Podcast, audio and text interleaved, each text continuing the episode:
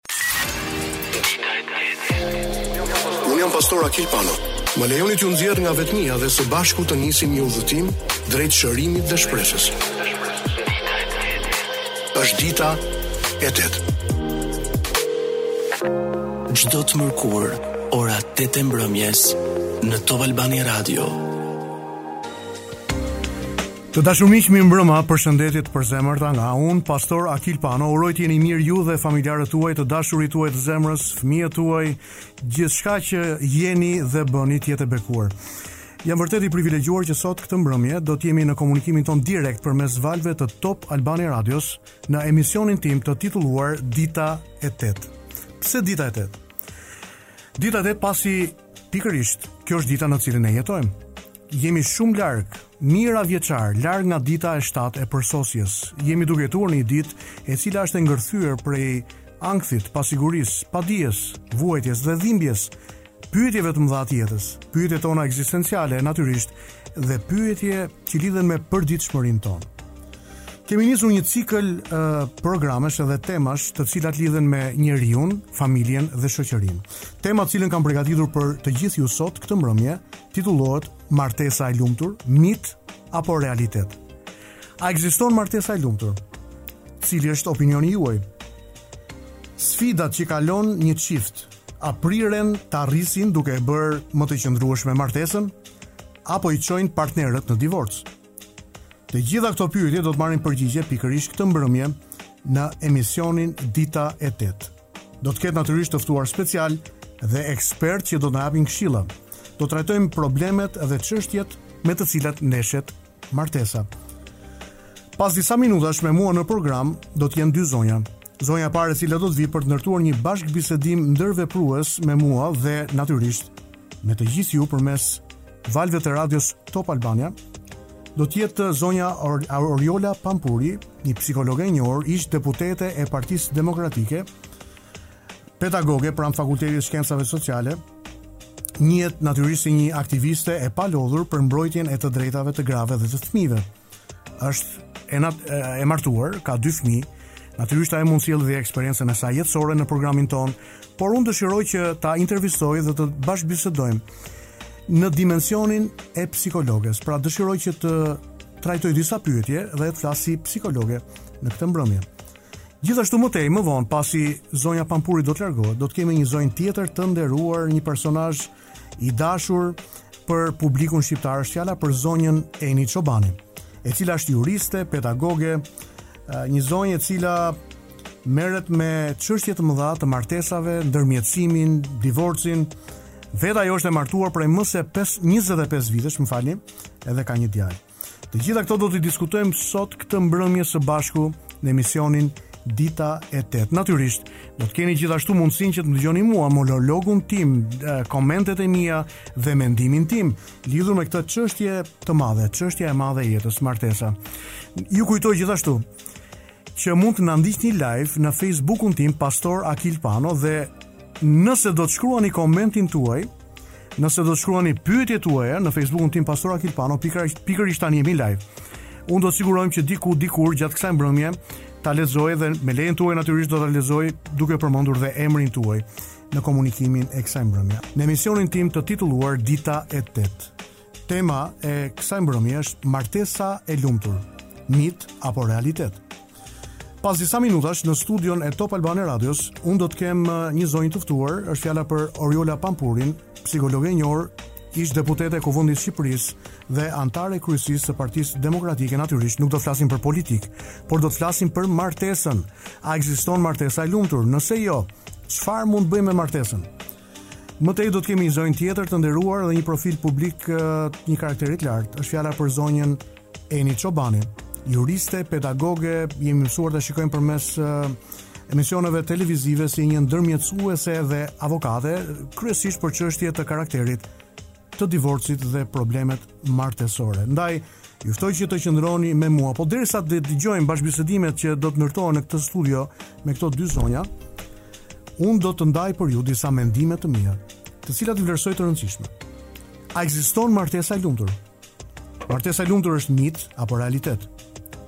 Njeriu pothuaj i çdo epoke e ka parë lumturinë si majën më të lartë të vetëpërmbushjes, si qëllimin më të lartë të jetës. Aristoteli tha, lumturia është kuptimi dhe qëllimi i jetës, synimi i plotë dhe i fundëm i ekzistencës njerëzore. Kështu duke shndërruar lumturinë në qëllim të fundëm të ekzistencës tonë, i kemi dhënë legjitimitet çdo mjeti që na shpie tek lumturia. Jo pak prej nesh jemi martuar që të jemi të lumtur.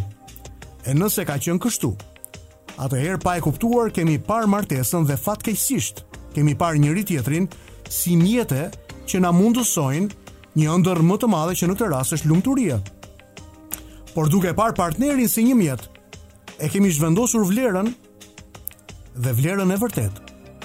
Nuk e kemi në këtë rast më tek njeriu, por tek qëllimi, që në rastin e personave të cilët martohen që të rrokin lumturinë, pra që të jenë të lumtur, të vetëpërmbushur, e vendos vlerën tek lumturia.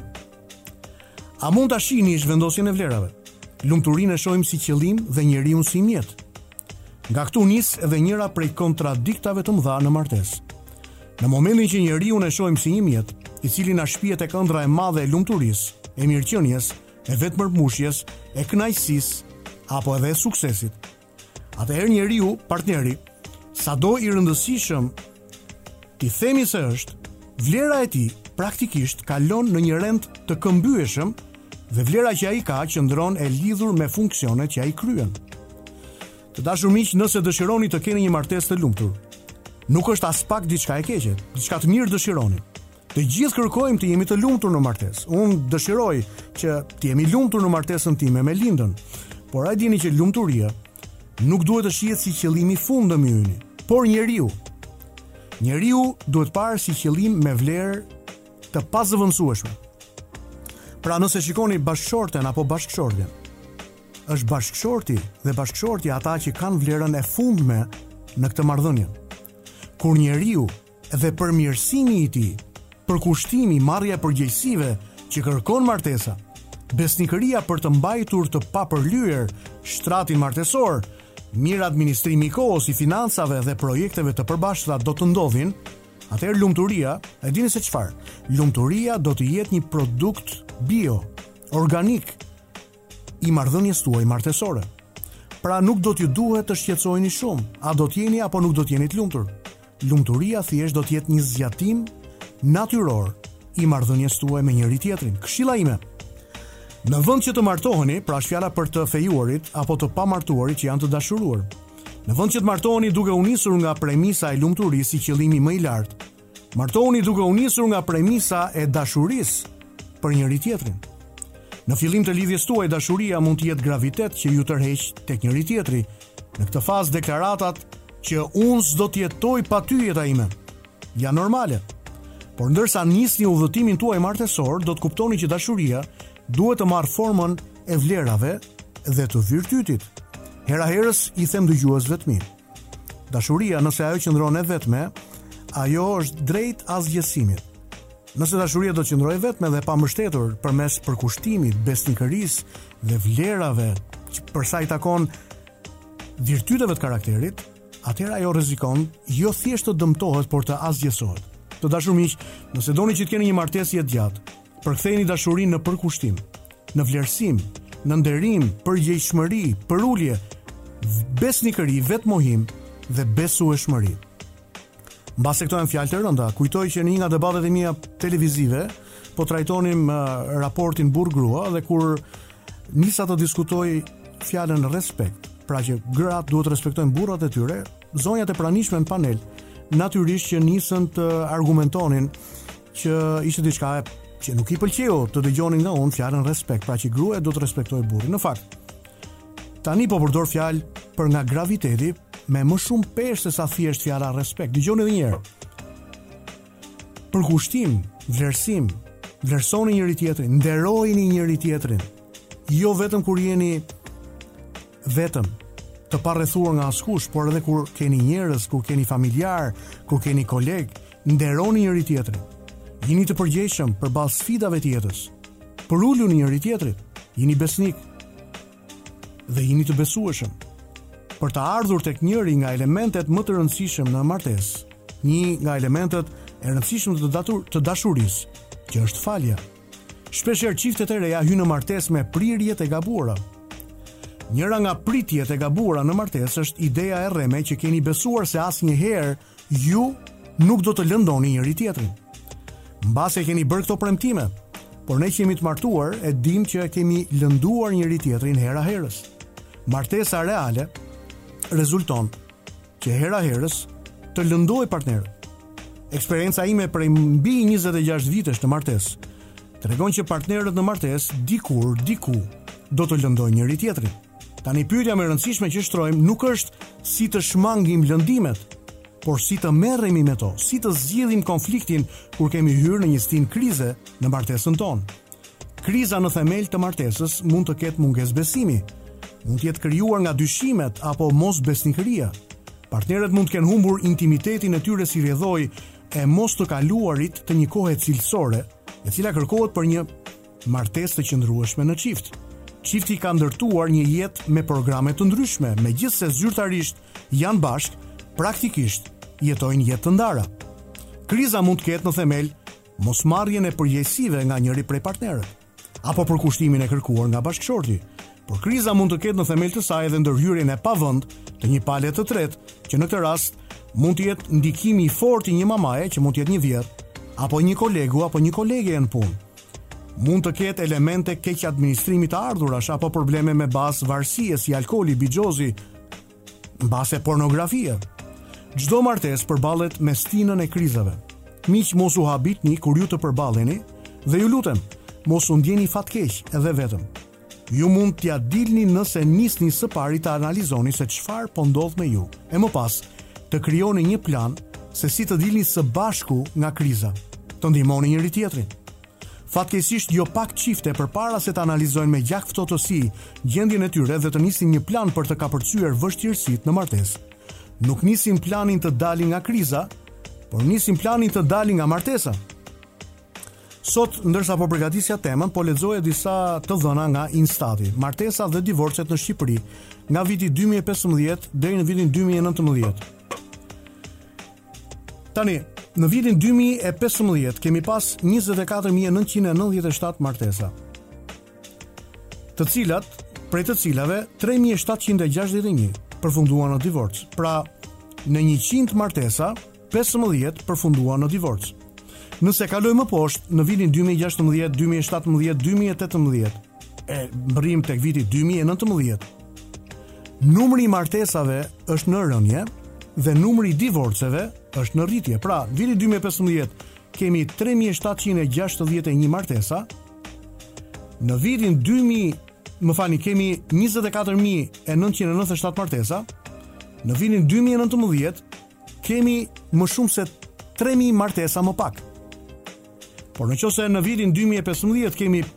Pesëmbëdhjetë për qind të divorceve në vitin dy mijë e nëntëmbëdhjetë, kjo shifër ka vajtur njëzet e një për qind.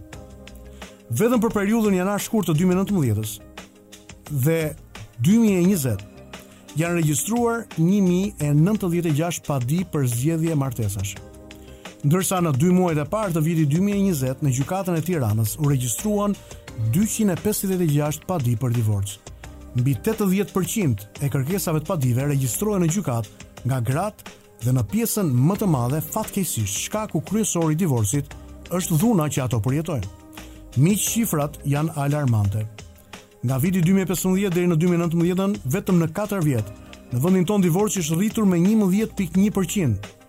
Nëse në vitin dy mijë e pesëmbëdhjetë në njëqind martesa kishim pesëmbëdhjetë divorce, në vitin dy mijë e nëntëmbëdhjetë në njëqind martesa kishim njëzet e gjashtë pikë një divorce. Ndërkohë, siç kemi fenomenin e rritjes së divorceve me njëmbëdhjetë për qind në katër vjet, brenda katër vjetëve kemi uljen e numrit të martesave. Ky është realiteti i Shqipërisë për vitin dy mijë e njëzet e një. Më pak çifte martohen. Më shumë çifte të martuara divorcohen. Njerëzit të cilët dalin prej lidhjeve të gjata si bashkëjetesa apo martesa janë të zhgënjyer. Kemi edhe me sa duket, do të kemi më shumë prindër të vetëm që do të nisin rrugëtimin e tyre si prindër të vetmuar dhe do të rrisin fëmijët e tyre vetëm. Të dashur miq, unë vijoj të besoj tek martesa me të gjitha problematikat që ajo ka. Pasi besoj tek dashuria dhe tek përkushtimi. Mbase mund t'ju dukem me të vjetrën, old fashion, por unë vërtet besoj se unë së bashku me ju mund ta shpëtojmë martesën. Ne mund t'ia dalim. Ndaj më lejoni t'ju marr në këtë udhëtim, duke nisur së pari të zbulojmë njeriun që është brenda nesh dhe çështjet më të mëdha të jetës. Unë besoj që martesa e lumtur ekziston, nëse lumturia nuk do të shihet si qëllim por do të shihet njeriu.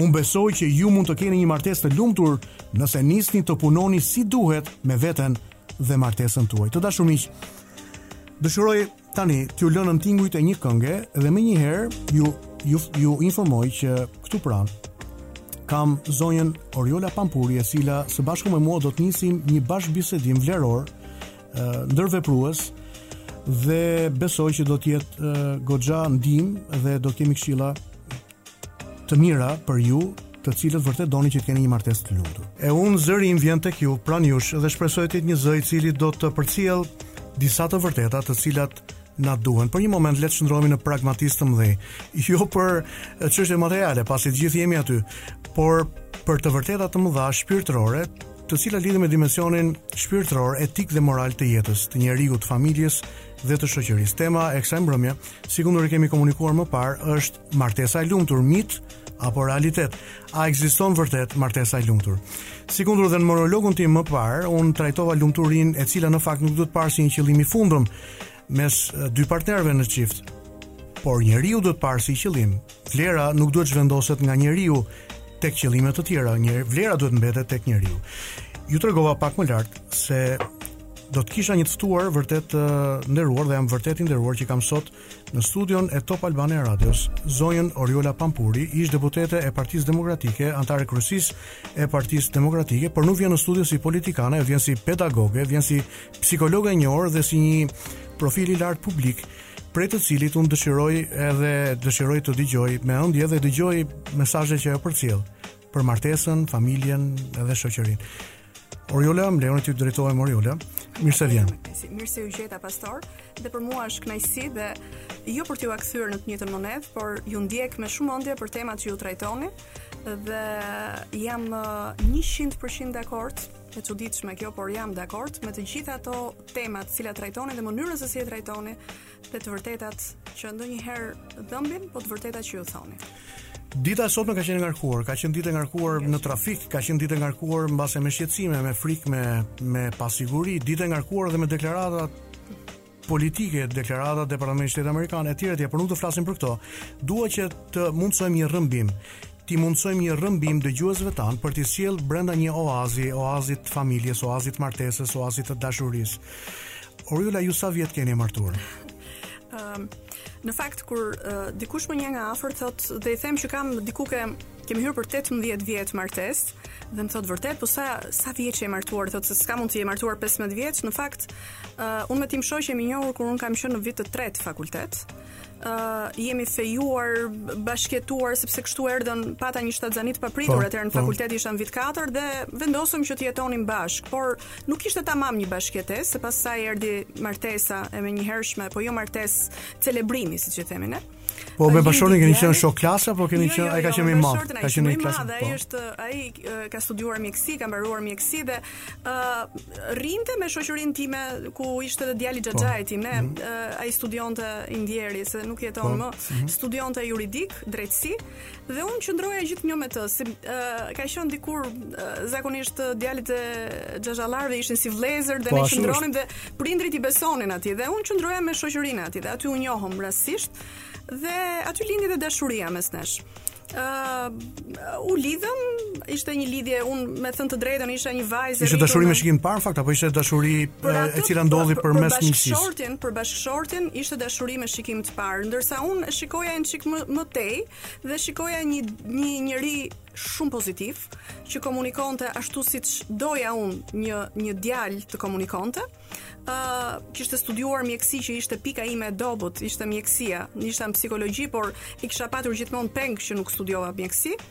ë uh, dhe mënyra se si komunikonte, se si më pas lind dashuria nga nga nga komunikimi i mirë, nga mbështetja që në çdo moment uh, kur ne konsumonim ato kafet me njëri-tjetrin, mënyra se si pse jo mund ta them mënyra se si shikonte, se si ë uh, se si më mbështeste në mendimet dhe idetë e mia që kisha atëherë në në tavolinat që ne qëndronim me miqtë, më pëlqeu dhe rashë dhe unë në dashuri me të. Dhe kështu ishte dashuri e e ndërsjellë mes tyre. Dashuria e rinisë tuaj, e po, cila konkludoi në martesë, duhet të jeni vërtet fatlum të dy dhe duhet të jeni mirënjohës për ç'ka ndodhur në jetën tuaj, po. pasi jo jo të gjitha dashuritë që nisin gjatë orëve të fakultetit kur je student përfundojnë. E vërtetë është. Kështu ju duhet të jeni vërtet mirënjohëse, dashuria ah. juaj është kultivuar, jeni martuar, keni fëmijë sot. Ë, uh, shiko, unë jam mirënjohëse mbi të gjitha perëndisë që na njohu bashkë. Dhe kjo ishte një mundësi e madhe që ne të dy patëm, ë, uh, domethënë u njohëm.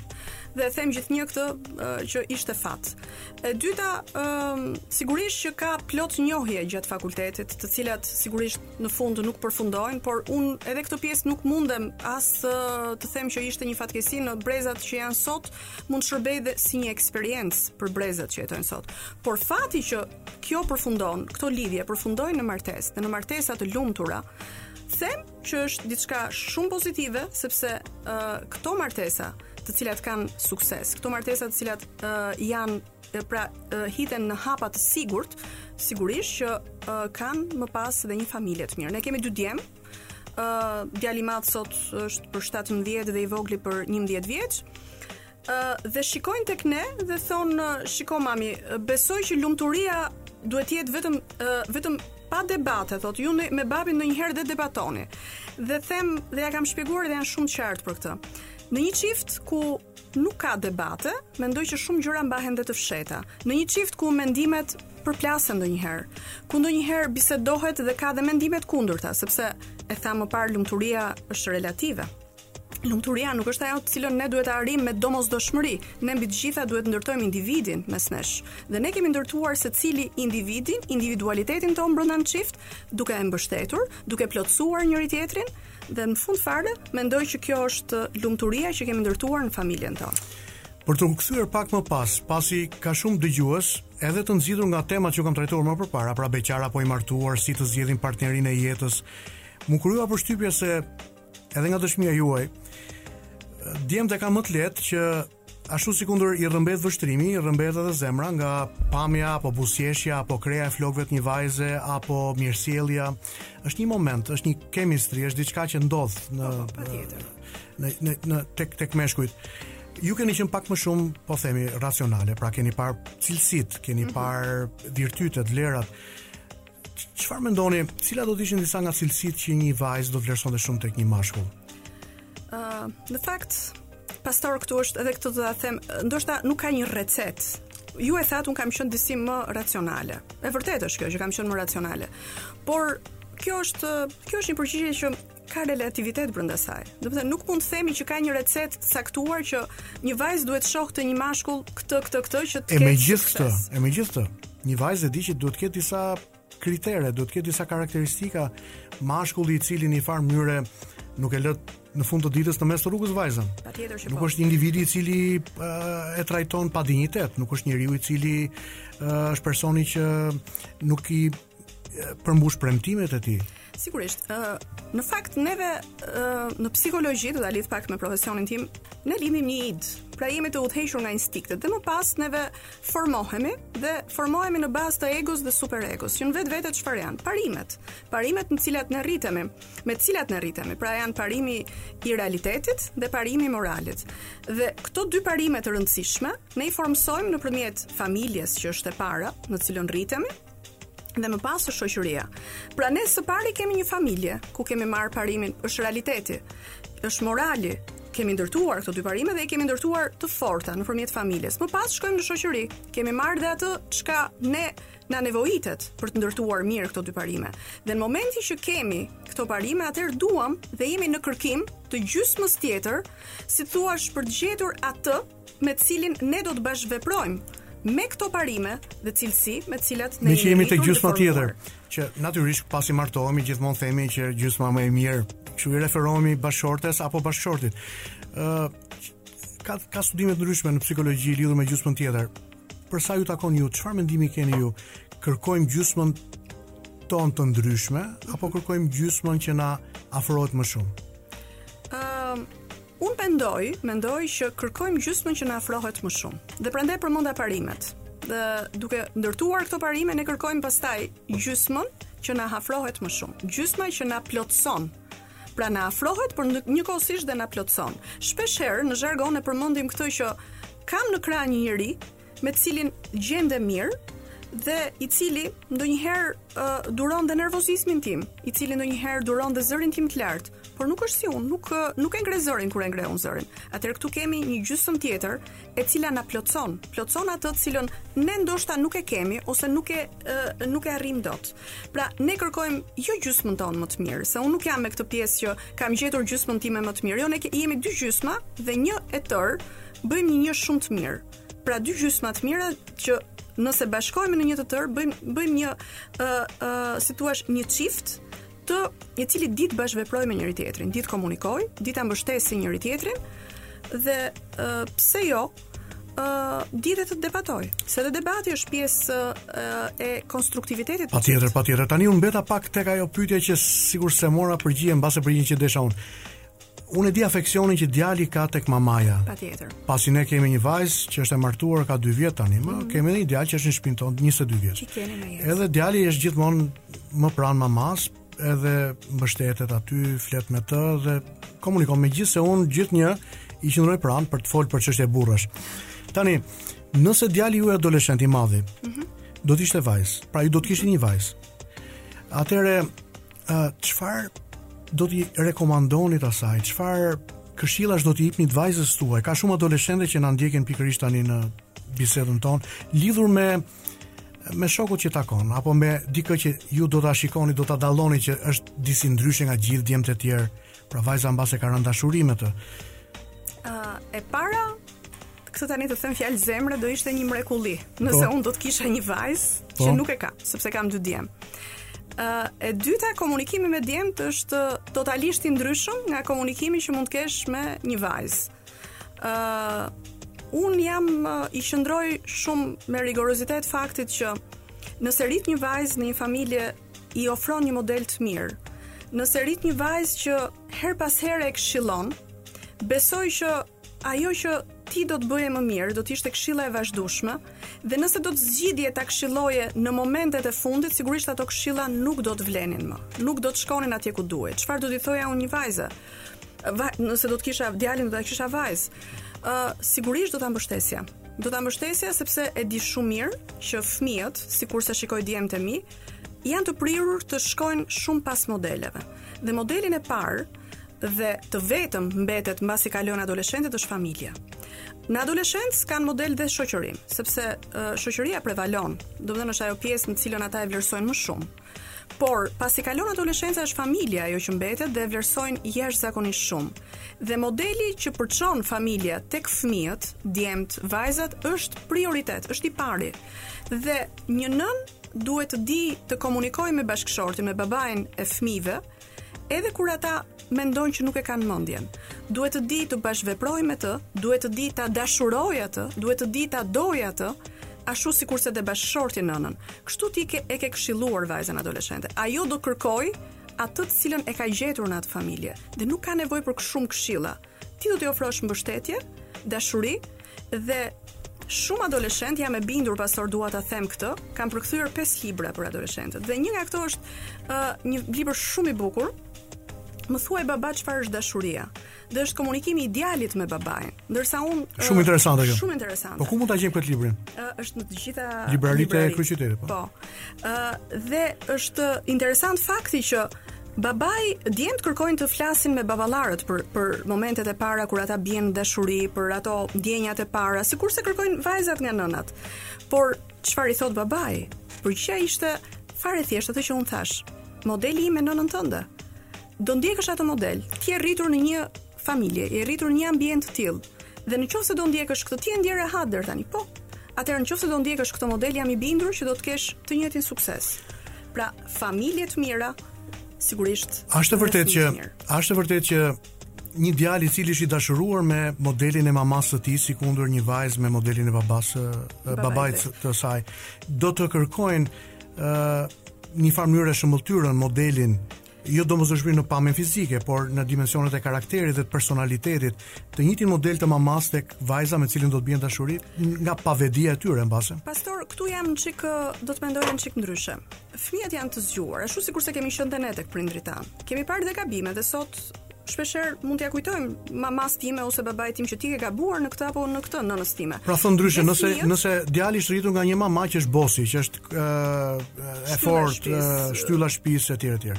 Do të kërkojë të gjejë jo këtë tipologji tek jo gjithnjë. Jo gjithnjë, dhe për këtë jam e sigurt sepse uh, sigurisht edhe nga si profesioniste, po edhe uh, personalisht të them jo gjithnjë do ta kërkojë. sepse fëmijët, adoleshentët, më pas djem dhe vajza të rinjtë janë të arsyeshëm dhe janë të aftë të arsyetojnë dhe të shikojnë më të mirën tek nëna dhe te babai dhe të gjykojnë. Dhe në momentin që ata gjykojnë, fillojnë bëjnë dallimin dhe kërkojnë atë që është më e mira. Dhe sigurisht, nëse kanë gjykuar një sjellje të nënës dhe të babait, sigurisht do të kërkonin diçka ndryshe dhe jo domosdoshmërisht do të kërkonin shembullin e nënës dhe të babait. Jam shumë i kënaqur për nga Komunikimi, biseda dhe vlera që po përçojmë me psikologen e njohur, ish deputeten e Kuvendit të Shqipërisë nga Partia Demokratike, anëtare e kryesisë së Partisë Demokratike, pedagoge e psikologjisë Oriola Pampuri. Merci. Oriola e lamë tek ideja e çelësit, nëse ekziston një çelës apo disa çelësa për të pas një martesë të lumtur, jetojmë në një botë konsumi, jetojmë në një botë që të gjithë i kërkojnë gjërat me shpejtësi të madhe, Dhe mbase mendojnë që që në përballjen e parë me zhgënjimin në martesë apo me probleme që ka martesa, atëherë martesa nuk funksionon dhe është për t'u hedhur. Tani nëse ka disa çelësa, cilët do të ishin për një martesë të lumtur. Uh, unë e përmenda gjatë gjithë bisedës pastor. Ë uh, neve shpesh gjejmë ë uh, si thua rrugën më të lehtë debatin. Debatin e fortë, kur them debat, sepse më parë përmendëm që debati sigurisht kur është konstruktiv është dhe i shëndetshëm, por debati i fortë mes çiftit për të finalizuar më pas dhe me divorce, dhe me ndarje, dhe me dhunë që ne i dëgjojmë rëndom në shoqërinë tonë. Shpesh i kemi dëgjuar vitet e fundit në shifra që janë kanë qenë vërtet alarmante.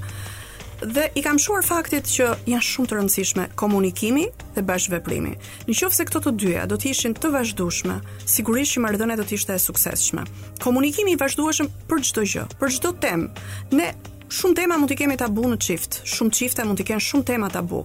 Dhe pikërisht për mungesën e komunikimit për shumë tema brenda çiftit, ndodh ajo që çifti fillon largohet nga njëri tjetri dhe shkohet pse jo dhe drejt asaj që ne e quajmë që ne e quajmë që faktikisht është dhunë.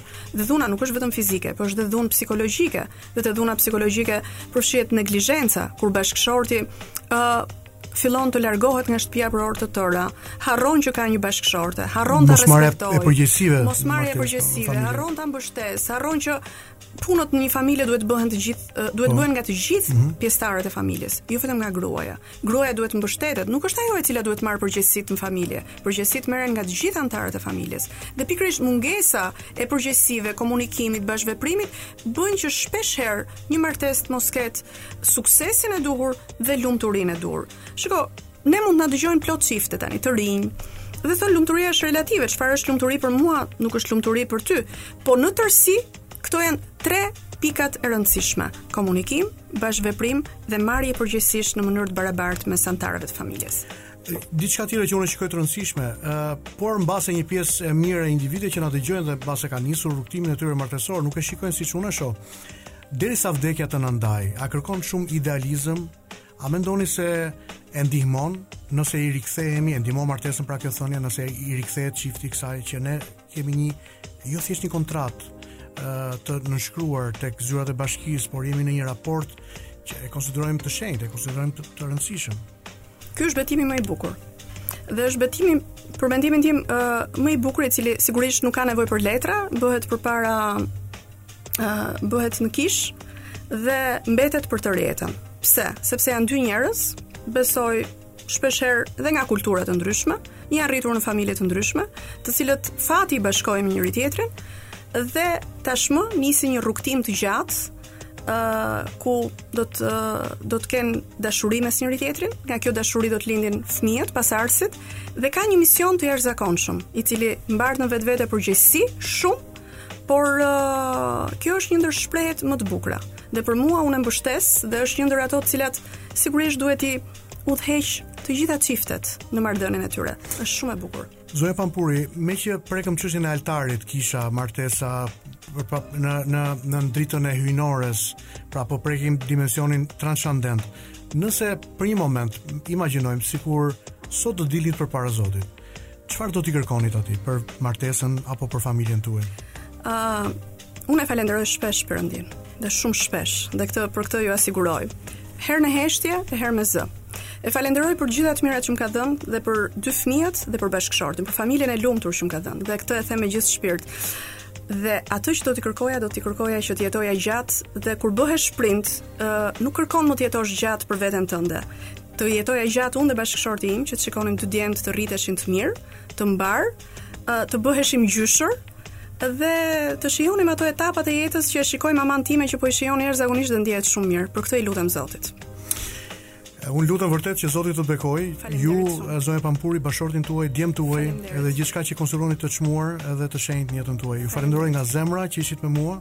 dhe me dëgjuesit e Top Albania Radios besoj që një shumësia jona është ne themi bekuar, pra gjithë kemi marrë gjëra me vlerë nga nga biseda me ju. Të falenderoj shumë, ishte shumë kënaqësi pastor. Unë ju respektoj maksimalisht dhe ishte kënaqësi kjo bisedë edhe sonte. Dhe mezi pres të shikoj në emisione televizive në atë agorën e debatit publik për të ndërtuar një komunikim vleror si ky i sotmi Ju me publikun tuaj. Ju falenderoj shumë, me kënaqësi. Ju falenderoj. Ja ku jemi. Unë jam Pastor Akil Pano, kthehemi sërish në komunikimin ton live këtë mbrëmje në dita e 8.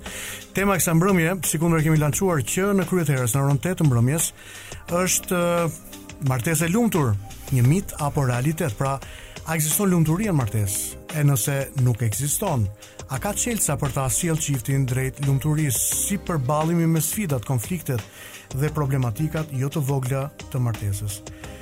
Këtu me mua në studio është një zonjë shumë e nderuar, një profil i lartë publik në komunikimin publik në televizion, një personazh i arrirë në karrierën e saj, është fjala për Eni Çobanin, juriste, pedagoge, ka një një CV vërtet vërtet të kompletuar. Pedagoge në Universitetin e Tiranës ka qenë e angazhuar dhe në dikastere të larta, në Ministrinë e Drejtësisë, por ju të gjithë e njihni si një personazh shumë të dashur, pasi ajo çdo të diel vjen në shtëpi tuaj përmes valëve të një televizioni tjetër. E gjithsesi ajo sot vjen tek ju përmes këtij programi përmes valëve të radios. Mirëmbrëma Eni, mirë se vjen. Mirëmbrëma, mirëmbrëma pastor, kënaqësi e veçantë. Ju jam mirënjohëse. Nuk kam qenë asnjëherë kështu po. drejtpërdrejt në radio. Po shiko radio. Është interesante, besoj për ata që radio ka një magji të veçantë. Magji, po, shumë. Në fakt, ju e dini unë dal në emisione televizive, në debate po. të ndryshme çdo javë. Aty bashkë, kështu që po, po. kemi qenë gjithmonë pjesë. Por radio ka diçka tjetër, edhe një arsye pse kemi nisur këtë emision. Është në modernitet një nga problemet që njeriu ka është vetmia. Mungesa e komunitetit. Ne duam që përmes këtij zëri, zëri tuaj, zërat e individëve të, të tjerë, të cilët besojnë që ndërsa jetojmë në një epokë ku vlerat kanë rënë, njerëzit kanë nevojë më shumë se kurdoherë më parë për të dëgjuar vlera. Ka nevojë që të ftohen për të dalë nga vetmia e tyre për të nisur një udhëtim shpirtëror, një udhëtim Moraliteti, një udhëtim për të rigjetur veten, për të zbuluar veten.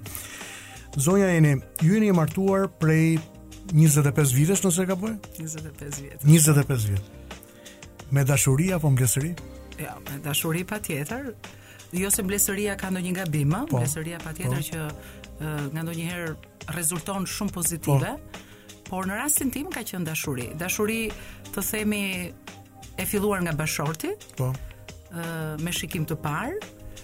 Erdhi tek unë me pak vonesë në ditë dhe në javë, por ë, sigurisht që ishte përcjellë tek unë kënaqësia e të qenurit së bashku që në momentin e parë.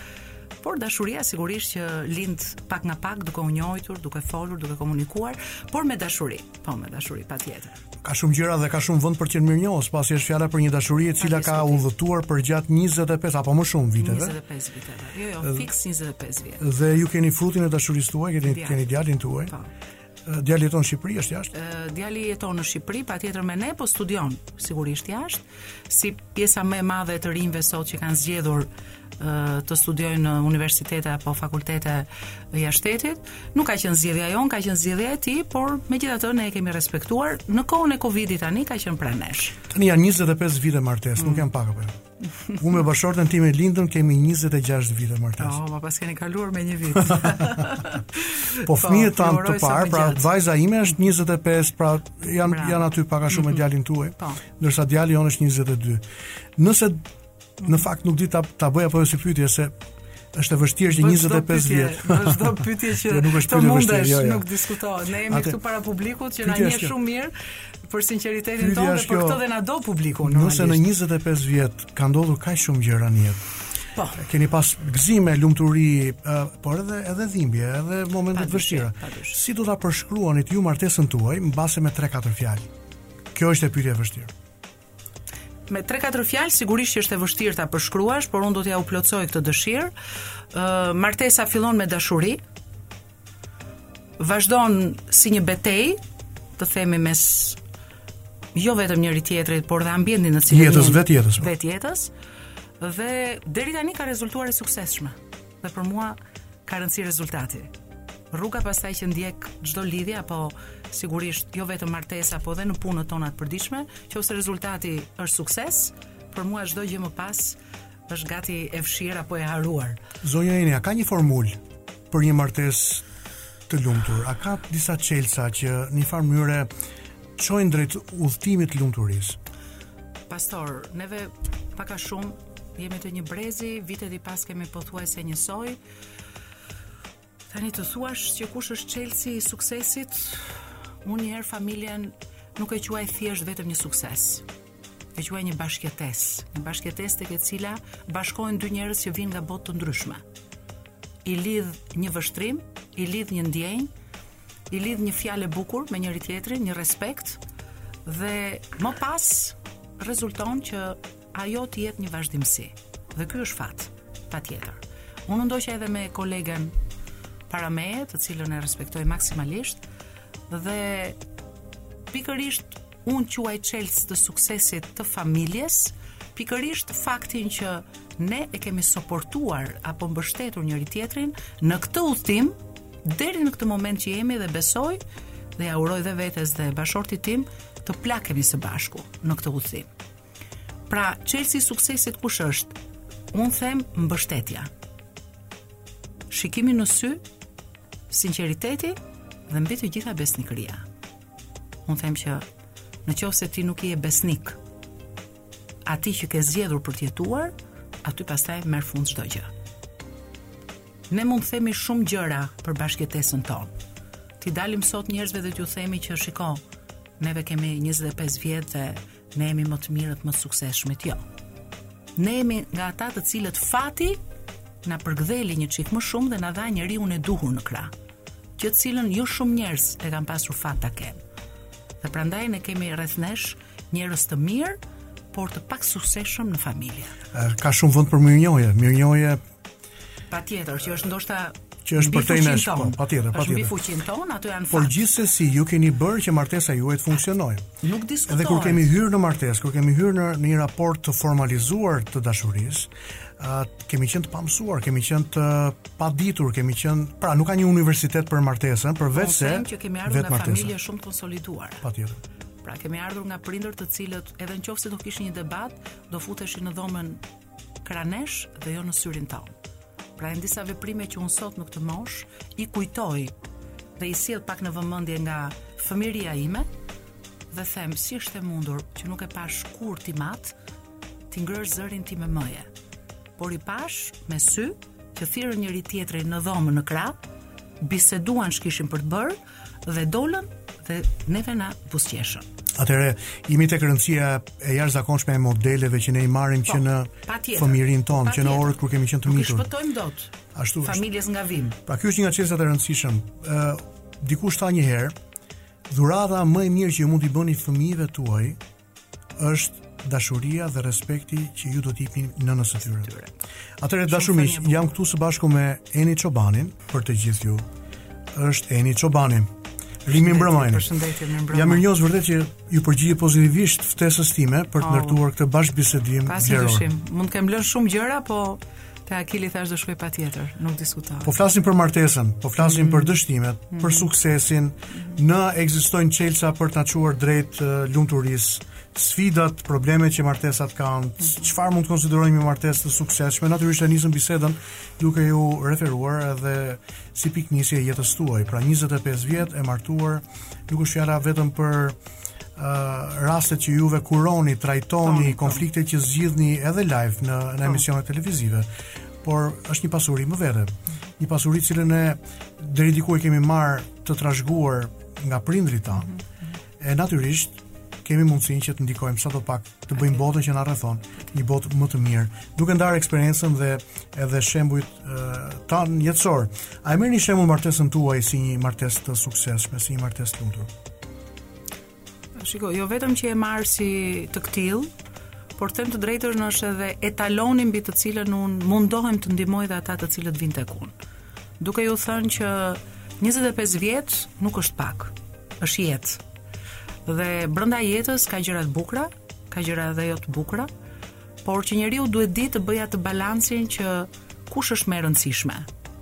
Ta prishësh një gjë apo ta rregullosh dhe ta bashkosh atë. Dhe neve të dy kemi menduar që është më mirë që ta bashkojmë dhe ta mbajmë në këmbë atë të cilën e kemi ngritur me shumë sakrifica. Është shumë e lehtë ta prishësh. Pra, sikundër thonë atë e mbushi dhe e derdhi në fund. Po. Pra e mbushi sa e po. mbushi dhe e derdhi. Dhe fakti që vjen herë pas here nga ndonjëherë jeta deri tek ajo ngopja dhe të vjen një moment edhe ndoshta mërzitesh. Por menjëherë, një njeri i zgjuar dhe i kultivuar mendon që nga më anon peshorja ime. nga ana e mbajtjes apo nga ana e largimit dhe e prishjes. Po mirë, po flasim për një person i cili uh, në këto momente di të, kritike, po, di të arsyetojë, po flasim për një person që nuk ka humbur arsyen. arsyen por zakonisht po. në rastet e konflikteve të mëdha njerëzit e humbin arsyen. Po, jam me ju. Dhe në këto raste, po, prapë duhet të mendohesh dy herë. Mhm. Vërtet ti mund të largohesh nga familja. dhe largohesh diku, qëndron te prindrit, tek vëllezërit e motra, ndoshta edhe vetëm. Dhe kjo kohë duhet të jetë koha e reflektimit. Po. Jo e shkuarjes me vrap të ngritjes së një padie dhe prishjes së martesës. Pra unë kërkoj tek njerëzit, largohuni, patjetër. Pra ka momente ku njeriu do të qëndrojë vetëm. Ju e filluat shumë bukur. Po. Ka nga ata të cilët na ndjekin sot dhe nëpërmjet zërit tonë Ata bashkohen me komunitetin i cili i rrethon jashtë. Por ata nga ndonjëherë refuzojnë që të jenë pjesë e këtij komuniteti sepse duan të qëndrojnë me vetveten, të kuptojnë se ku janë. Atëherë, ky moment vetmie duhet të jetë një reflektim i arsyetuar brenda logjikës tyre. Është e mira ta vazhdoj apo ta prish. Unë po studioja sot uh, shifrat që ofron Instati në po, vitin 2015. Me shumë vëmendje para se të vija. Është po, e tmerrshme të shikosh në vitin 2015 për 100 martesa ishin 15 divorce, pra 15%. Në vitin 2019 po. kemi 26.1% divorce. Pra kemi një shifër prej 11.1% të rritur. Kemi menduar numrin e popullsisë që kemi, ha? Por pra, ndërkohë që martesat kanë një zbritje signifikative, pra të rëndësishme. Po. Çfarë mendoni që e ka çuar në këtë krizë të thellë martesën? Unë them që ka një ndikim të jashtëzakonshëm edhe pjesa në të cilën njerëzit janë gjithmonë në lëvizje. Njerëzit janë gjithmonë me mendje pak të shpërndarë. Të po. rrim këtu apo të ikim jashtë. Mm -hmm. Të formojmë një gjë këtu apo të ikim diku tjetër. Dhe mosgjetja e vetvetes nga ndonjëherë të çon që ti nuk je i sigurt në gjërat që krijon. Më pas, mosmarrja e përgjegjësive. Brezi i cili sot duhet t'i thotë po familjes, ka një frikë nga përgjegjësia. Pse? Se ka pasigurira. Ato mbarojnë shkollat dhe nuk gjejnë punë. janë akoma të varur nga familjet e tyre të origjinës. Atëherë si mundet të pretendosh që ky çift të krijojë një familje, të bëjë fëmijë dhe ta mbajë në këmbë këtë? Jo. Kjo patjetër do shkojë drejt një krize, sepse o familja e vajzës, o familja e djalit do të jetë pjesë akoma e burimit ekonomik, financiar të mbajtjes së këtyre dy të rinjve dhe detyrimisht do kemi konflikte. Pra flasim për një gjendje e cila në sociologji njihet si një gjendje e tjetërsuar, një gjendje anomike e njeriut, njeriu ndihet i tjetërsuar, ndihet i pastabilizuar në ambientin ku jeton, në botën që e rrethon. 85% e studentëve në fakultet, kur u pyetën nga një pedagog se çfarë do bëni pasi merrni diplomën, përgjigja e tyre ishte do të ikim të largohemi. Vetëm 15% mendonin që të vijonin udhëtimin e tyre jetësor këtu. Tani, ndërsa shumë gjëra ndodhin me shpejtësi të madhe, edhe me këtë shpejtësi po prishen dhe po shkatërrohen edhe martesat. një sërë faktorësh, pra kjo gjendje anomike, problemet ekonomike, nxitimi i madh për të ndryshuar gjërat me një të rënë të lapsit apo një shtypje të butonit. Pra. Ndërkohë që martesa është, shiko, në Shkodër, shkodranët kanë diçka interesante. Ata thonë për me rrit një vajzë ose një fëmijë që e lind është sikur me hap një pus me majën e një gjilpëre. Pra, aq vështirë është në kuptimin kërkohet punë, kërkohet përkushtim. Po sigurisht. Është dhe... përkushtimi, është mbështetja, është respekti, dashuria që ti duhet ta emetosh brenda familjes si me bashkëshortin apo bashkëshorten dhe kundrejt fëmijëve.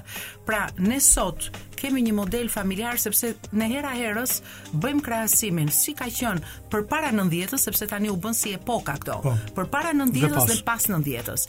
Dhe un Bisedoj edhe me ata të asaj periudhe, jo vetëm me prindërit e mi, që e kam ndarë këtë bisedë, por dhe me njerëz të tjerë dhe i them, "More, ju s'keni pasur probleme? Si është e mundur që numri i divorceve nuk është kaq i madh sa në këtë periudhë?"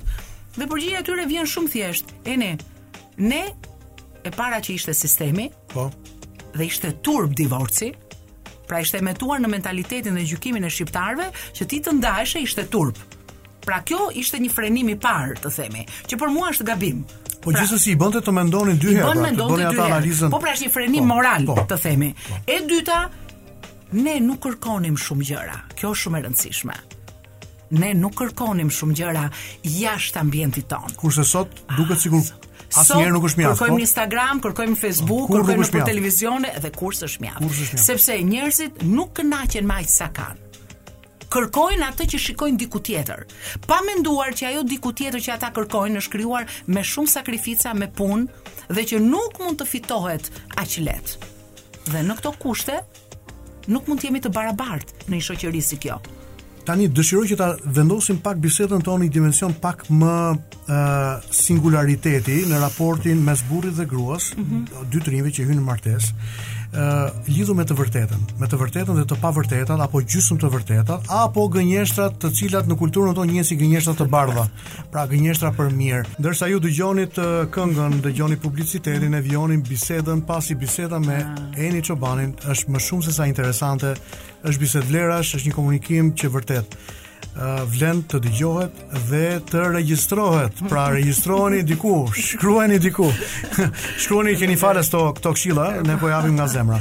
Pasi besojmë, jemi dy idealistë të cilët besojmë që familja vlen, martesa vlen. A le ta ruajmë, ta mbrojmë. Disa vite më parë po qarkullonte një foto e dy të moshuarve. dhe fotoja qarkullonte në rrjetet sociale. Pyetja që drejtohej këtyre dy të moshuarve ishte: "Na tregoni sekretin e martesës tuaj? Cili ishte sekreti i suksesit të kësaj jetëgjatësie, ata ishin diku 60 vjet martuar?" Edhe i moshuari përgjigjet dhe thotë: "Shiko thotë mor bir, gjatë kohës që ne ishim të rinj thotë në kohën tonë, kur na thyeshin gjëra dhe na binin nga duart dhe nuk i hidhnim, po i merrnim dhe i riparonim, i ngjisnim." Kështu dhe martesa. Mos e hidhni martesën tuaj miq. Po. Riparojeni, kujdesuni. Po. Tani, le të vijojmë bisedën, le të vijojmë uh, komunikimin tonë.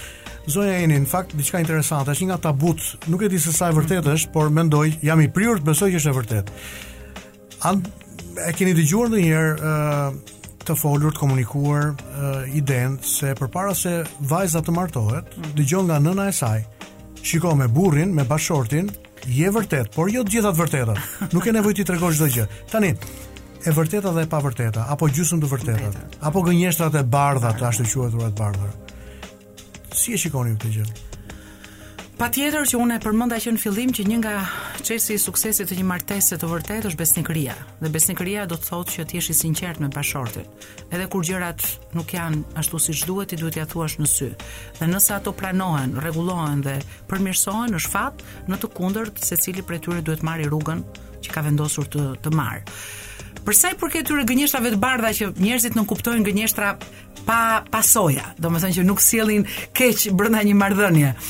Po, tani kush nga ne mund të dalë sot dhe të thotë që s'ka gënjyer kurrë? Unë këtë s'mund ta them. Pra, kemi bërë disa, të them jo gënjeshtra, se gënjeshtra është çik fjalë e rëndë. Po. Por kemi dashur që nëpërmjet një veprimi apo një gjesti ne mos të lëndojmë mos ta lëndojmë marrëdhënien po. pa pa pasur po, domethënë nuk mendoni se marrëdhënia marrëdhënia lëndohet më shumë nëse ajo do merret vesh do merret vesh më vonë po nuk po. ma merr mendja që ju të gënjeshtrat e bardha kjo A, kjo hyn pastaj tek veprimet që janë bërë me qëllim. Pra një gjë që del, po. do të thotë që është e gjatë në kohë. Pra atëherë është bërë me qëllim? Po. Dhe që është munduar të fshihet, por është kaq e madhe Akil, saqë nuk fshihet dot. Pra e kanë parë dhe disa njerëz të tjerë. Në sallën e gjyqit të jeni. Jo, jo, Tani. nuk unë flas për gjëra që janë pa pasoja, po. pa ndonjë rëndësi të jashtëzakonshme, gjëra totalisht pa vlerë që do prishnin një harmoni për të cilën nuk ka nevojë ta bëjmë. kjo është gënjeshtra e bardhë. Por për ato që ju po më thoni dhe që doni të nxirrni nga unë, po. unë po ju them pikërisht këtë fakt. Këto nuk quhen gënjeshtra të mëdha. Këto janë gënjeshtra të cilat patjetër momentin që zbulohen, sjellin pasoja shumë të rënda. Okay. Dhe nuk duhet ndodhin. Gjithsesi unë edhe për ato të voglat, mhm. ato mm -hmm. zbukuruese, ato të cilat ne po.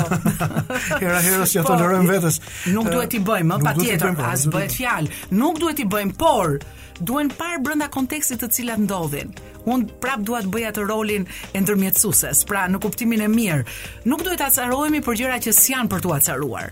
Duhet ta mirëkuptojmë ndoshta bashkëshortin apo bashkëshorten në momentin në cilin ato ndodhin. Tani kthehemi për një moment Eni tek. Un dua të them një po, batutë. Po, po, meqenëse e nisët me shkodran. Po, po, un do ta po. vazhdoj po prap. Po. Kemi qenë në një ambient miq dhe një shkodran i shkëlqyer, që është një mik shumë i shtrenjtë e merr bashkëshortja në momentin që ishim në tavolinë. Ishim shumë njerëz prezent. Dhe sigurisht si çdo bashkëshorte që pyet ku je. Është pyetja më tipike që gratë bëjnë dhe për mua, të them të drejtën, ngaqë s'më është bërë kurrë, nga ky... bashkëshorti im, po. as un s'ia kam bërë atij. Edhe ky miku tha diçka nga ato të jo, padumshme. Jo, ajo ishte fantastike sepse ai mbylli telefonin dhe ne vetëm qeshëm deri në po, fund. Po. Dhe i tha, po, i tha, jam këtu. Ja tha, vendin në kuptimin. Po me cilin je dhe vazhdoi. Vazhdoi, po. Tha, grua tha, po të vazhdosh me m'pyt tha, e di tha që do të rrej, tha. Kështu që më mirë tha mos m'pyt ma.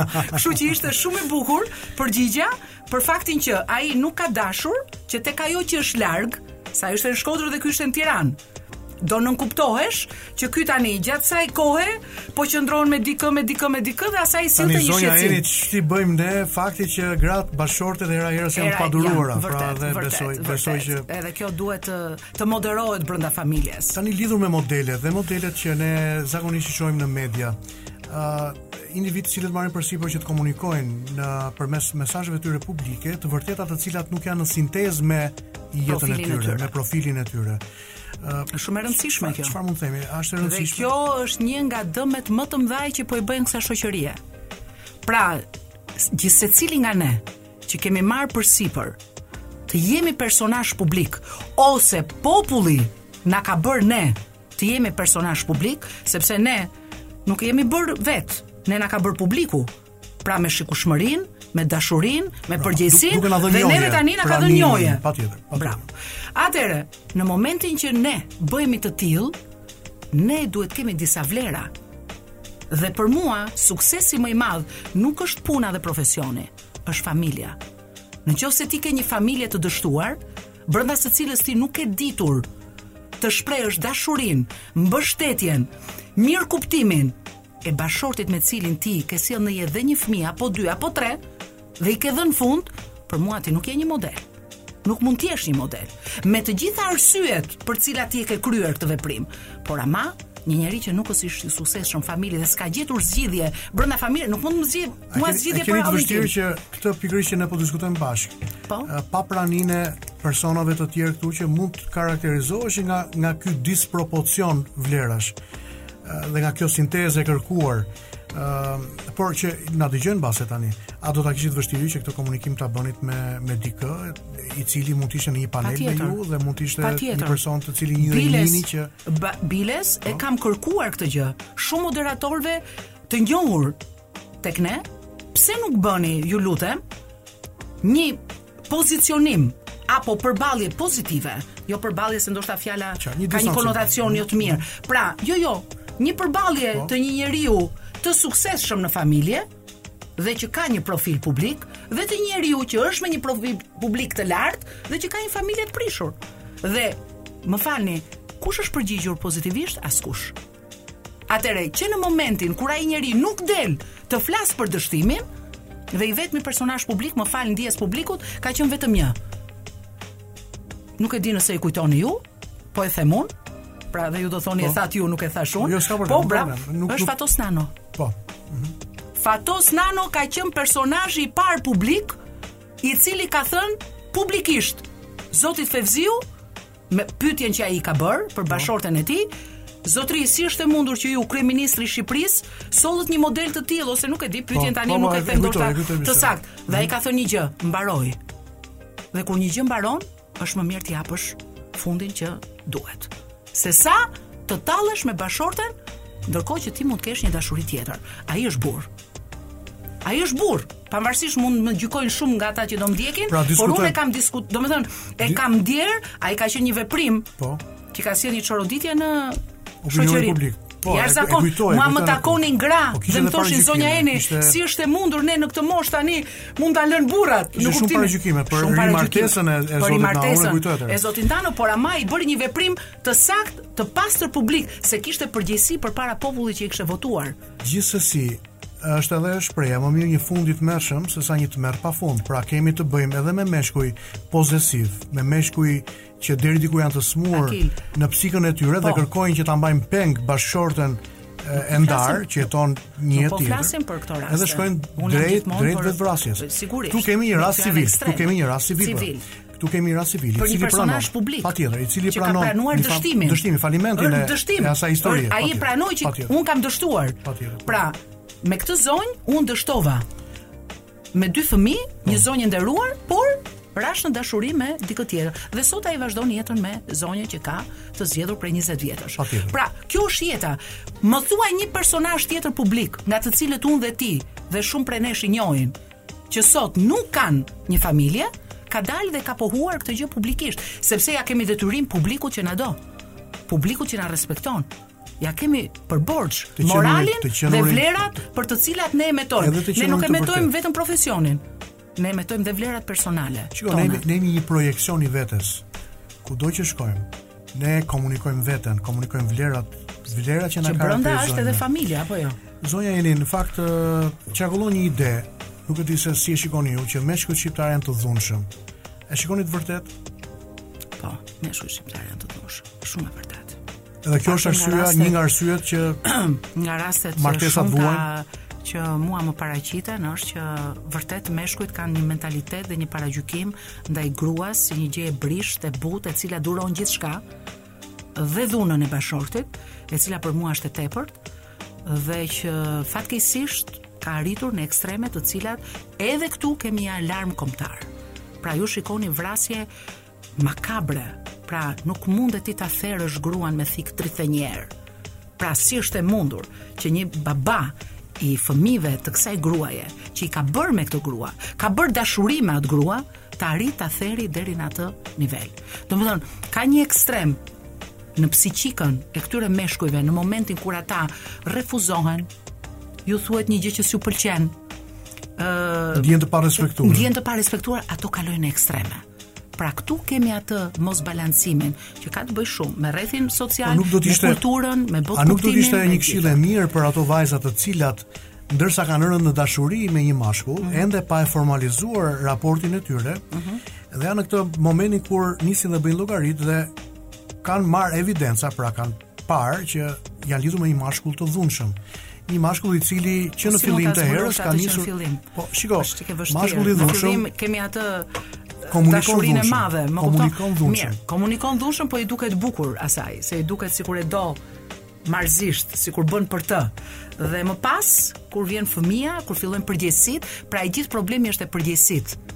Akil, pra nuk duhet t'i largohemi idesë të përgjegjësive. Ne nuk dimë brenda familjes të ndajmë përgjegjësitë. Po mirë, nuk, nuk mendoni se do të ishte më mirë që një vajzë, një vajzë e cila evidenton një mashkull të dhunshëm që të largohej që në fillim. Të largohej që në fillim, pa e formalizuar raportin drejt fejesës dhe martesës. Po mendja që kush e evidenton që në fillim largohet.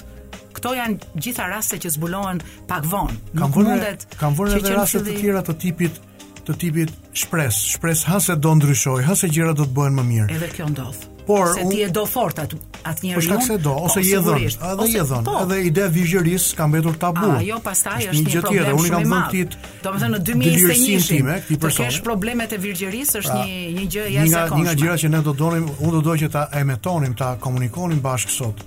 Mbase si diçka të pathënë ndonjëherë nga kjo studio është që Të dashura vajza, zonjusha në shoqërinë tonë, në rast se keni rënë në dashuri me mashkullin e dhunshëm, më vjen keq që po jua them, mbase do t'ju trishtojë ky fakt, por jeni në dashuri me njeriun e gabuar.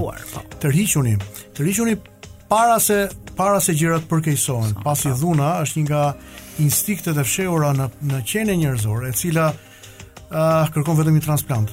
Ah, patjetër. Ajo pastaj është shumë e vështirë për t'u po, rregulluar. Është, është pak gjenetike që vështirë, është po. brenda njeriut dhe që ka momente pra, pastaj fatale që shkojnë në vrasje. Mashkulli i cili vuan nën varësinë e lojrave të fatit, pra që ah. luan bixhos. Kam parë jo pak martesa të shkatërruara. Po, po, po, po. Për një mashkull i cili shpenzon paratë pa fund dhe pastaj të tëra inatet i shfryn në familje dhe kthehet në familje. Pra, mashkulli, mashkulli i varur nga alkooli. Gjithashtu. Pra, histori, histori e madhe. Të po. E, e vështirë. Një mashkull që tradhton. Po gjithashtu një mashkull që tradhton, edhe tradhtia është. Edhe tradhtia patjetër është një element, domethënë që po zbulohet hera herës dhe më shumë, dhe që kanë arritur deri në ato pika që kanë vite që bashkëjetojnë me gra të tjera dhe gratë i zbulojnë shumë vonë kur marrin vesh që ka dhe fëmijë me gruan tjetër. Pra ka raste edhe të kësaj natyre që zbulohet që ka fëmijë, mban një familje të dytë dhe qëndron me gruan e parë dhe fëmijët e parë dhe gruaja nuk ka ditur asgjë se siç e dini ju, domethënë e fundit kush është? Gjithmonë gruaja. Domethënë sepse nuk ia thonë. Njerëzit e shikojnë dhe për mos ta lënduar nuk i tregojnë. Thjesht për ta ilustruar këtë që po themi mm -hmm. dhe mbase për ta pasuruar me një pyetje të dytë, mm -hmm. lidhur me flirtin, sa i dëmshëm apo sa jo i dëmshëm është flirti. Ë mm -hmm. uh, kam asistuar në një moment shumë interesant që më trishtoi shumë. Përpara disa vitesh kemi qenë në një hotel në jug të Shqipërisë, unë dhe bashkëshortja ime, ulemi për të ngrënë mëngjesin aty tek restoranti i hotelit. Vjen një zotëri i ri, me vajzën e vet që ishte diku 3 vjeç, 3 vjeç e gjysëm, një bukuroshe me flokë kaçurrela, buçko, edhe unë po e shikoja. Ndërkohë Pranë tavolinës ku ishte ulur zotria me bijën e vet, mendova që do të ishte vajza e tij, ulet një zonjë, zonjushë e re. Dhe ky nuk po ia ndante sytë. Në një moment të caktuar, vajza e vogël ia kap faqet babait të vet dhe mjekrën, po, e kthen drejt vështrimit të saj dhe i thotë: "Babi i thotë, ajo nuk është mami ime, nuk është mamushi ime. Pse e shef ti atë?" Ah, Tani, pra. Ëh, mbase vajza e vogël ka qenë dëshmitare e historive që ka dëgjuar nga mamaja në shtëpi lidhur me flirtet e babait me derisa një fëmijë i kësaj moshe ka bërë këtë pyetje është gjë që të bëjë një pyetje të kësaj po, natyre është pak e vështirë ta bëjë një fëmijë që nuk i ka këtë eksperiencë kam dëgjuar kam dëgjuar nga individë të ndryshëm në këto debatet tona në opinion apo në emisione të tjera televizive personazhe të tjera të cilët, të cilët ndajnë një mendim lidhur me flirtin, thonë që flirti hera herës e ndihmon martesën. Çfarë mendimi ndani ju? Shiko, flirti nëse do të qëndronte deri te shikimi, nuk besoj që sjell ndonjë dëm. Po flirti nëse ajo vazhdon dhe konsumohet, të themi, shpirtërisht, mendërisht dhe fizikisht, ajo pastaj sjell një rrezik për sa i përket familjes sepse njerëzit ose meshkujt në këtë rast po edhe femrat sepse meshkujt me femrat shkojnë nuk janë kaq të kultivuar sa të ndajnë pikërisht këtë që ju sapo thatë. Thjesht të përjetojnë një ndjenjë të bukur, por ama vëmendja të shkojë përsëri te familja te bashkëshortja dhe fëmijët. Jo, ndodh që vëmendja kalon në anën tjetër, fillon kriza, fillon gënjeshtra, fillon fshehja, Por paradoksi në fund del e vërteta që çfarë ka ndodhur. Paradoksi qëndron këtu. Pastaj vjen divorci. Ne si meshkuj as nuk e imagjinojmë dot bashkëshorten që të flirtojë, sigurisht. Të këmbejë vështrime me një mashkull tjetër. Bravo. Pa imagjino domethënë pra, se sa mendoni se sa të paragjykuara jemi ne si femra, që çfarëdo lloj gjëje që të bëjë burri e bën mirë dhe nuk ka problem, ndërkohë gjëja e rëndë është se do ta tradhtojë gruaja dhe do të bëjë kjo një veprim të gabuar. Unë do t'ju them vetëm një rast i cili është shumë i freskët, edhe për mua ka qenë një çudi. Sot më vjen një zotri, për mua i nderuar, i respektuar, Bashkë me një vajzë. Dhe më thotë është vajza ime nga martesa e parë. Dhe sigurisht i thashë, po, kush është problemi do ketë për një problem toke, me siguri. Jo, tha zonja Eni, tha, e kam problemin për gruan e dytë. I thashë dhe ke ardhur me vajzën e martesës së parë, po, tha. Sepse, tha, për mua, tha, ka ndodhur një çudi. U martova, tha, para shumë vitesh me gruan e parë, ku më solli në jetë, tha, dy vajza, dhe më në fund ajo nuk lindte më, dhe me lejen e babait të saj dhe të saj vetë, më japin të drejtën të martohem me një grua të dytë. Dhe shkoj thotë në një qytet tjetër dhe gjeta një vajzë. Kur më tha këtë, i thashë më fal, ju ishit burrë i martuar me dy fëmijë po. dhe kërkonit një vajzë? Mm -hmm. Po tha, po për çfarë arsye? Tha s'mund ta merrja tha ndryshe tha. Unë doja prap tha një vajzë. I thashë më fal. Pra kërkon një vajzë të virgjër, kjo është ideja. Vajzë e virgjër pra, kjo no. ishte ideja, no. Mhm. sepse tha unë do ta merrja për grua tha. Atëherë unë duhet ta merrja tha të virgjër. Atëherë i thashë ju që ishit baba i dy vajzave me një grua në shtëpi. Po. Do merrnit një grua të dytë. Po, pra si është e mundur? Për atë që kishte sheku, që kishte humbur virgjërinë aty, nuk ishte Dhe kjo grua në fakt kishte pranuar këto kushte. Kishte bërë dhe dy djem, të cilët ky i dëshironte dhe për këtë arsye e kishte marrë gruan e dytë, nuk ishte martuar kurrë me të, kishte qëndruar në martesë me gruan e parë dhe sot për shkak të një konflikti gruaja e dytë ishte larguar nga banesa dhe sot ai po e kërkon me insistim riardhjen e saj për qëndruar pranë familjes, ndërkohë që ajo nuk e pranon më këtë lloj bashkëjetese. Shumë interesante, mm. përtej e, racionale. Zonja Jeni në fakt po mbërrijmë deri në fund të bisedës sonë. Ne s'do të mbarojmë dot për këtë temë, kështu që. dy fjalë, dy fjalë po, fundit. Po. Nëse sot do të gjendeshit përpara Zotit, për çfarë do ta falënderonit apo çfarë do t'i kërkonit atij në lidhje me martesën dhe familjen tuaj, nëse do të kishit një lutje apo një dëshirë? Shumë e saktë. Më lër Zot me kaq, dhe jam njeriu më me fat në botë për familjen që më ka dhënë, për djalin dhe për gjithçka tjetër. Atëherë ja ku kemi miq edhe një moment fundit, kultivimi i mirënjohjes është një nga elementët e rëndësishëm të raportit, jo vetëm me transcendentin, me krijuesin, por edhe mes nesh, mes njëri tjetrit. E falënderoj çdo ditë Zotin, kështu që Më ke bërë pyetjen më të duhur. Zonja Jeni ju falënderoj unë tani. Faleminderit juve. Për këtë bashkëbisedim më shumë se sa interesant, bashkëbisedim lirash. Shumë e nderuar edhe të falënderoj. Faleminderit dhe juve suksese. Të dashur miq, ju falënderoj që keni qëndruar së bashku me mua përgjatë 2 uh, orëve në Top Albania Radio në Dita e 8 do të takohemi sërish së bashku të mërkurën që vjen për të vijuar udhëtimin tonë në botën e shpirtit.